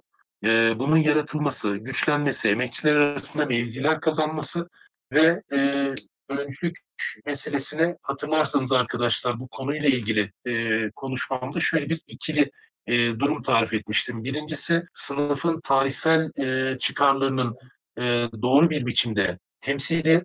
İkincisi de bu temsilden hareketle ve hani belirlenen stratejiden hareketle sınıfın gündelik ihtiyaçlarına yönelik e, siyasal, toplumsal mücadele başlıklarında e, önderlik becerisi kazanması. E, şimdi bu ikili görev yerine getirildiğinde zaten bu durum işte e, sendikaların vesaire durumuna yansıyacaktır. Emek örgütlerinin durumuna yansıyacaktır. Buna yönelik özgün bir müdahale buradan hareketle e, şekillenecektir. E, ve hani sendikalarla ilgili boyutu için bunu söyleyebilirim. Odalarla ilgili boyutuna biraz daha farklı yanıt vermek gerekiyor. Sendikalardan farklı yapılar olduğu için. Odalar e, şimdi e, çünkü sendika dediğinizde adı üzerinde sendika e, bunlar işçi örgütü. E, bütün üyeleri e, ücretli çalışan emekçiler. E, meslek odaları dediğimizde meslek odalarının üye profili hani yönetimlerinin e, yaklaşımı ne olursa olsun yöneticilerin e, sınıfsal kimlikleri e, sınıf, ne olursa olsun ya da ideolojileri e, odalar e, farklı toplumsal sınıflardan e, aynı mesleği icra eden kişileri farklı e, sınıflara ait meslektaşları bir arada içeren e, her ikisinin de bunların üye olduğu, tümünün üye olduğu yapılar. Dolayısıyla odaları bizim aslında sınıf mücadelesinin e, bir alanı olarak da görmemiz gerekiyor. Hani e, odaların buradaki kendi yönetimlerin duruşu ne olursa olsun, orada yaratılan birikim ne olursa olsun, öncelikle odaların sınıf mücadelesinin bir alanı olduğunu, e, orada diyelim ki mühendisler odasıysa, e, patron mühendislerin de işçileşen e, genç mühendislerle birlikte bulunduğunu ya da baroda ciddi bir şey işçi avukatlık denilen bir e, durumdan bugün bahsediyoruz. O bahsedilemezdi. Avukat e, zaten orta sınıftı ya da burjuvalaşırdı. E, yani e, işçi avukatlardan bahsediyoruz. Bütün meslek yani farklı meslek odaları için bu söylenebilir. E, buraların sınıf mücadelesinin bir e, alanı olduğu e, ve dolayısıyla buralara işçi sınıfı adına bir müdahale geliştirilmesi gerekiyor. Ayrıca barola, e, odalarla ilgili ekstradan şunun da söylenmesi gerekiyor. Bugün hani baro ile ilgili bir e, sonuçta Diyanet yarattığı bir provokasyondan kaynaklı e, Ankara Barosu kaynaklı bir tartışma var e, ya da çevre gündemleri olduğunda, kent gündemleri olduğunda e, diyelim ki mimar ve mühendislik odaları daha fazla gündeme geliyor. E, buralarda bizim hani hem e, işçi sınıfının temsiliyetine odaklanmamız lazım ve sınıfın dedik ya sadece ekonomik e, işte güncel ihtiyaçları vesaire değil, aynı zamanda e, aslında e, tarihsel çıkarlarının yani bir sosyalist Türkiye'ye dair, e, bir devrim Türkiye'sine dair e, bizim perspektifimizin de dillendirildiği yerler olması lazım. Çünkü bunlar e, bu alanda belli bir meslek alanında yetkili kurumlar. E, sonuçta yarı yarıya bir yarı kamusal bir nitelikleri de var. Dolayısıyla hani sosyalist Türkiye'ye dair e, vizyonumuzun hani mühendislik odasıysa üretimine, bu ülkenin sanayisine, teknolojisine dair vizyonumuzun, işte e, şehir plancıları ya da mimarlık odasıysa kentleşme politikasına dair bir vizyonun, Baroysa e, biz nasıl bir hukuktan yanayız, nasıl bir hukuk anlayışı var devrimcilerin, e, sosyalistlerin, e, buna dair bir vizyonun e, ortaya konması gerekiyor. Mesela hani somut bir örnek vereyim, hani anlaşılması bakımından, e, yani kendi derdimi daha iyi anlatmak bakımından. E, şimdi e, AKP'nin e, yıllardır e, diline sakız olan bir işte gündem var. E, yerli otomobil e, gündemi, yerli uçak bir ara göklerdeydi e, seçim öncesinde dönemlerde yani seçim dönemine girdiğimizde yerli uçak üretilmiş oluyor, yerli tank da üretilmiş oluyor, otomobil de üretilmiş oluyor. Seçim geçince önümüzdeki aylarda ya da bir sonraki yıl e, yerli otomobilimiz işte yollarda olacak duyuruları yapılıyor. E, arka arkaya bunlar e, yüzsüzce iddia edilebiliyor. E, şimdi biz Ocak ayında D Sosyal e, yayına başladığında bu yerli otomobil e, meselesini irdeleyen e, bir e, makale e, yazmıştık. Hani e, ben e, yazmıştım D Sosyal'de makale olarak e, bu yayınlanmıştı. E, genel itibariyle bu aslında yerli otomobil meselesinin pek de yerli e, bir e, üretime dayanmayacağı ortaya koyan, e, ortaya çıkan veriler itibariyle ve yerli olacak olsa bile bu gerçekten e, üretilecek olsa bile e, kamudan dünya kadar e, teşvik alan, kamudan dünya kadar kaynak aktarılarak e, yapılacak bir üretimin kamu mülkiyetinde değil de e, yani beş tane belirlenen e, hükümetle ilişkileri dolayısıyla belirlenmiş, o kriterle belirlenmiş beş tane e, patronun mülkiyetinde olması ve onların e, üretime başladıktan sonra da kamudan bu teşvikleri almaya devam etmeleri. E, yani madem ki e, bizim vergilerimizle bu iş finanse ediliyorsa, madem ki o fabrikada çalışacak e, işçilerin alın teriyle o üretim e, yapılacaksa, bu zenginlik üretilecekse ve bunun üstüne hani hükümet hala işte bilmem kaç gün araç alım garantileriyle bu işi finanse etmeye devam edecekse öyleyse mülkiyet niçin? O beş tane patrona ait, o beş tane sermaye grubuna ait. E, şimdi bizim burada e, yapmaya çalıştığımız şeyi bir e, siyasal, e, bir devrimci siyasal özne inşa etmeye çalışan bir e, topluluk olarak bizim yapmaya çalıştığımız şey dolayısıyla hani bu mesele hangi meslek odasının e, gündemine giriyorsa e, yani şöyle kaynaklar e, bulmayı ben e, açıkçası daha çok isterdim o yazıyı yazarken, yazıya yönelik araştırma yaparken. E, keşke TMOB'a bağlı ilgili odaların, herhalde makine mühendisleri odası oluyor burada olan. Keşke onlar ayrıntılı bir inceleme yapmış olsalardı daha fazla veriyle bunu yazabilseydik. E, ama maalesef yani bu, yani bu yönde aslında üretimler yapılması gerekiyor e, pratik çalışmalar da yapılması gerekiyor. Ha bu e, bir niyet problemi bilme, başka bir şey değil. Aslında bu zeminleri, oda zeminlerini de e, bu tarz üretimleri ve gündeme bu tarz müdahaleleri yönlendirecek olan e, bu konuda uygun bir perspektifle hareket eden devrimci bir iradenin buraya etkin bir şekilde müdahale etmesi. Bu şekilde de örneklemek istedim. Şimdi e, okuyucumuzun sorusu var. Erçin bu arada soru sana tartışmaların merkezinde duran kavramların işte devrimci özne, program, strateji gibi e, bunlar soyut bir kategori. Soyut kategori izlenimi veriyorlar. Bu kavramlar teorik planda sosyalist hareketlerin sosyalist hareketin ihtiyaçlarını işaret ediyor. Ancak gündelik hayatta temas noktalarının net olmadığını düşünüyor bu arkadaş. E, bunu nasıl değerlendiriyorsun diye Erçin top sende. Ya şöyle söyleyebilirim. Örneğin gündelik hayat bugün işte koronavirüs sonucu yaşanan gelişmelerse bununla temas etmek için de söz söylüyoruz ama bu sözlerin gündelik hayatla ilgili sözlerin e, aşağı yukarı e, değişmeyeceği malum. Yani bu konularda aşağı yukarı birçok insanla aynı sözü söyleyebiliriz birçok başlıkta. Ama e, işler çetrefilleşmeye başlayınca, işler karışık olmaya başlayınca e, bu aşağı yukarı söylenen sözler çok kurtarmamaya başlıyor. Ve sadece e, bu sözlerle yetiniyoruz. E, bu dolayısıyla yaptığımız bu derginin çıkarılması, bu tartışmalara odaklanmak falan bir tercihti. E, diğeri yerine yapılmış bir tercihti. Çünkü bunun e, çok daha fazla gündelik bir ihtiyaç olduğuna karar verdik. E, bu biraz e, kendi siyasi deneyimlerimiz. Bugüne kadar geçirdiğimiz siyasi deneyimler e, sonucunda oluştu. Biraz da e, bu deneyimler sonucu dönüp e, yaptığımız bir Türkiye tahlili e, sonucunda oluştu. Yani bu tahlil neydi? Biz e, bu gündelik gelişmeler, yaşananlar, e, sıkıntılar vesaire bunun e, Türkiye'de sosyalist hareket güçlenmeden aşılamayacağını inanıyoruz. Aşılamayacağını düşünüyoruz. Aşılamayacağını görüyoruz. E, ve buna yapılacak küçük müdahaleler de aslında e, büyük değişikliklere falan yol açmıyor. E, burada o yüzden şu tespiti yaptık. Dedik ki bu e, bu meselenin başa sarmasının önemli bir nedeni var. Türkiye'de sosyalist hareket bitti. Bittiği için bunlar sürekli başa sarılıyor. Ya da kriz noktalarında sosyalist hareket e, buna çözüm bulmak yerine hızlıca dağılabiliyor. Ve aksine etkisi de dağılıyor. Etrafı da dağılıyor vesaire. O, o zaman ne yapacağız? E, kurulabilmesi için belirli başlıklar var. Bu başlıklar da sizin e, işte biraz soyut geliyor diye söylediğiniz başlıklar aslında özne, program, strateji. E, yani biz çünkü sorunu orada gördük. Sorunu devrime giden yolda e, bir stratejinin kurulamaması bu stratejiyi kuracak öznenin yaratılamaması olarak gördük.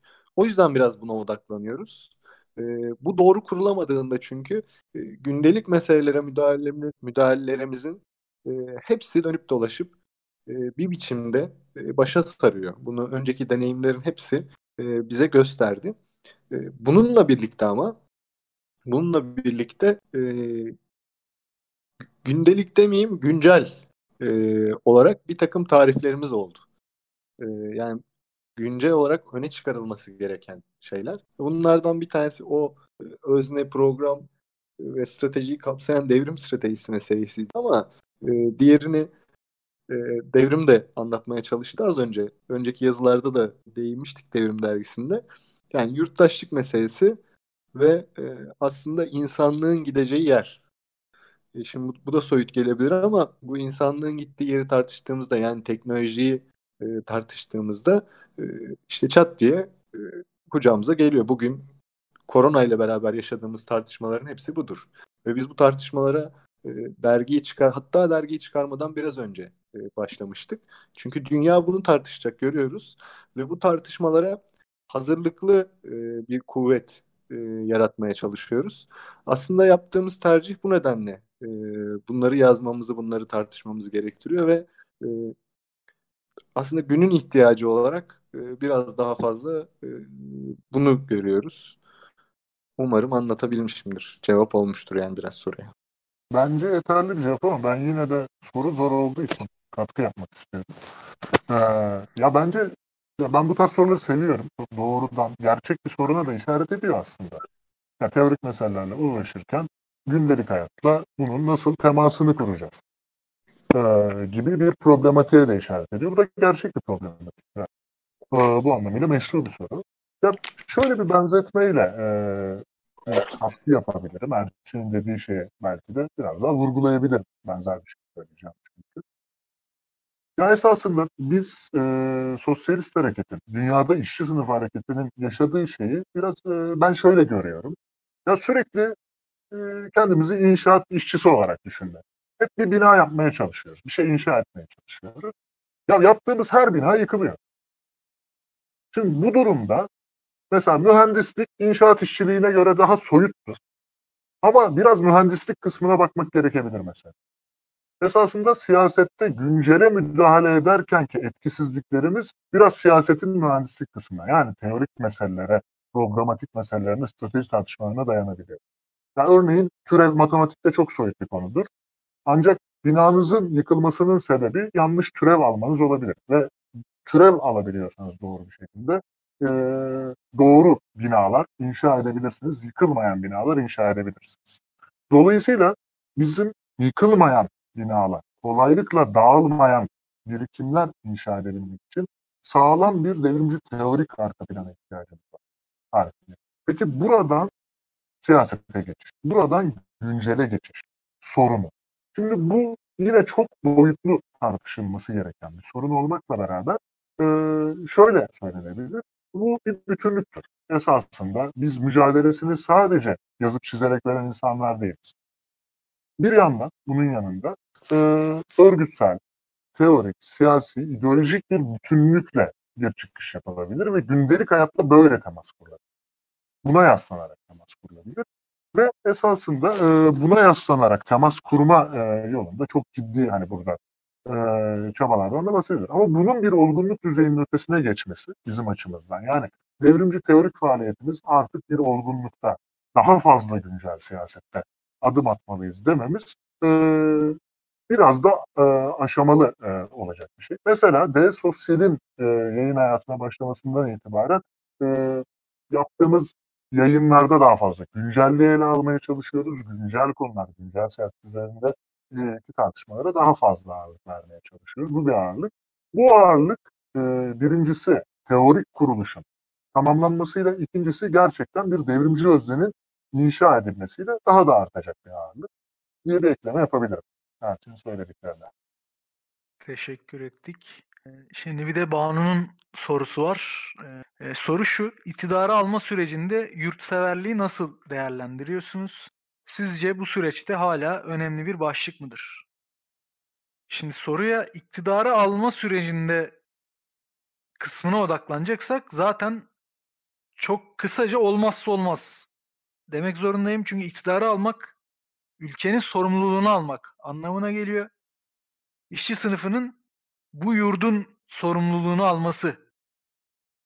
Yani kendi çıkarlarını ulusun çıkarları olarak gösterebilmesi, böyle kanıtlayabilmesi ve toplum buna ikna edebilmesi gerekiyor.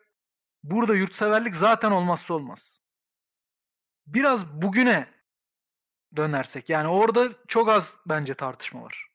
Ee, çünkü sen iktidarı aldığın gün atıyorum şey e, uluslararası bir şey oluyor. Sen Türkiye adına gideceksin orada konuşacaksın. E, Türkiye'nin çıkarlarını oturup savunacaksın başka ülkelerle. Dolayısıyla burada bir yurtseverlik zaten e, eğer ulusal ölçekte bir iktidar almaktan bahsediyorsak zaten vazgeçilmez bir şey. Güncel olarak e, soruyu biraz oraya esnetmeye çalışalım. E, çünkü e, yakın zamanda böyle bir bununla ilgili bir yazı da e, çıktı. Güncel olarak e, terk edilmesi değil ama biraz önemsizleştiren e, bir yazı çıktı. Ya ben açıkçası güncel olarak da çok değerli olduğunu düşünüyorum. Bir, e, iktidarı alma sürecindeki e, öneminden bahsettim. Bunun tarihsel bir önemi var. Bu ülkede, e, bu coğrafyada sosyalistlerin, devrimcilerin toplumsallaşmasının e, en önemli simgelerinden e, bir tanesi e, bağımsızlık kavgasının devrimcilerin elinde yürütülmesi oldu ve Türkiye'de sosyalistler, devrimciler bağımsızlık ve yurtseverlikle bilinmeye başladı. Başlangıç noktamız yani toplumsallaştığımız nokta yurtseverlik, ulaşacağımız nokta yurtseverlik. Arada ise yurtseverlik çok da önemsiz bir şey olamaz. Birincisi burada bir süreklilik tarif etmek zorundayız. İkincisi pratik bir mesele. Şimdi AKP bir sürü alanda saldırdığı, bir sürü alanda mevzi kaybettik, çekildik bilmem ne ama bu yurtseverlik tartışması nerede daha fazla dönmüştü? 29 Ekim, 23 Nisan, Cumhuriyet, işte Türkiye'nin e, Osmanlı'dan Cumhuriyet'e geçişteki mücadele, ulusal mücadele, milli mücadele, bu milli mücadeleye bakış, buralardaki günlerin tarihsel değeri vesaire bu liberallerle sosyalistlerin, devrimcilerin kavgasıydı, tartışmasıydı. Ve bu tartışmayı net bir şekilde liberaller kaybetti. Şimdi dönüp dönüp dönüp dönüp liberallere tekrardan paye vermenin, haklıymış gibi davranmanın bir anlamı yok. Böyle bir apolojizme e, gerek yok. Yurtseverlik tartışmasında devrimciler, sosyalistler haklılardı. Türkiye devriminin en önemli başlıklarından bir tanesi kalkınma, bir tanesi de bağımsızlık olacak. Devrimci hareketin yanıt vermesi gereken, yanıt verdiği ve Burjuva partilerinin, Burjuva siyasetçilerin yanıt veremeyeceği. Elbette üfürebilirler ama eşitlik diye de üfürebiliyorlar, özgürlük diye de üfürebiliyorlar. Üfürüye göre eşitlikten, özgürlükten vazgeçmiyorsak, e, Burjuvazi üfürecek diye yurtseverlikten de e, vazgeçmememiz gerekiyor. E, bir diğer mesele bu e, yurtseverliğin önemsizleştirilmesinde bir tane argüman vardı. Ben buna e, özel olarak üzüldüm diyeyim. Yurtseverliğin milliyetçiliğe yol açtığı gibi bir e, şey vardı. Açıkçası kim bu? Yani biraz şeye benziyor bu. İşte MDD'cilerin zamanında milli burjuvazi işte şuradaydı buradaydı diye bahsetmelerine benziyor. Yani yurtseverlikten milliyetçiliğe geçen bir toplumsallık, bir siyasi hareket vesaire yok.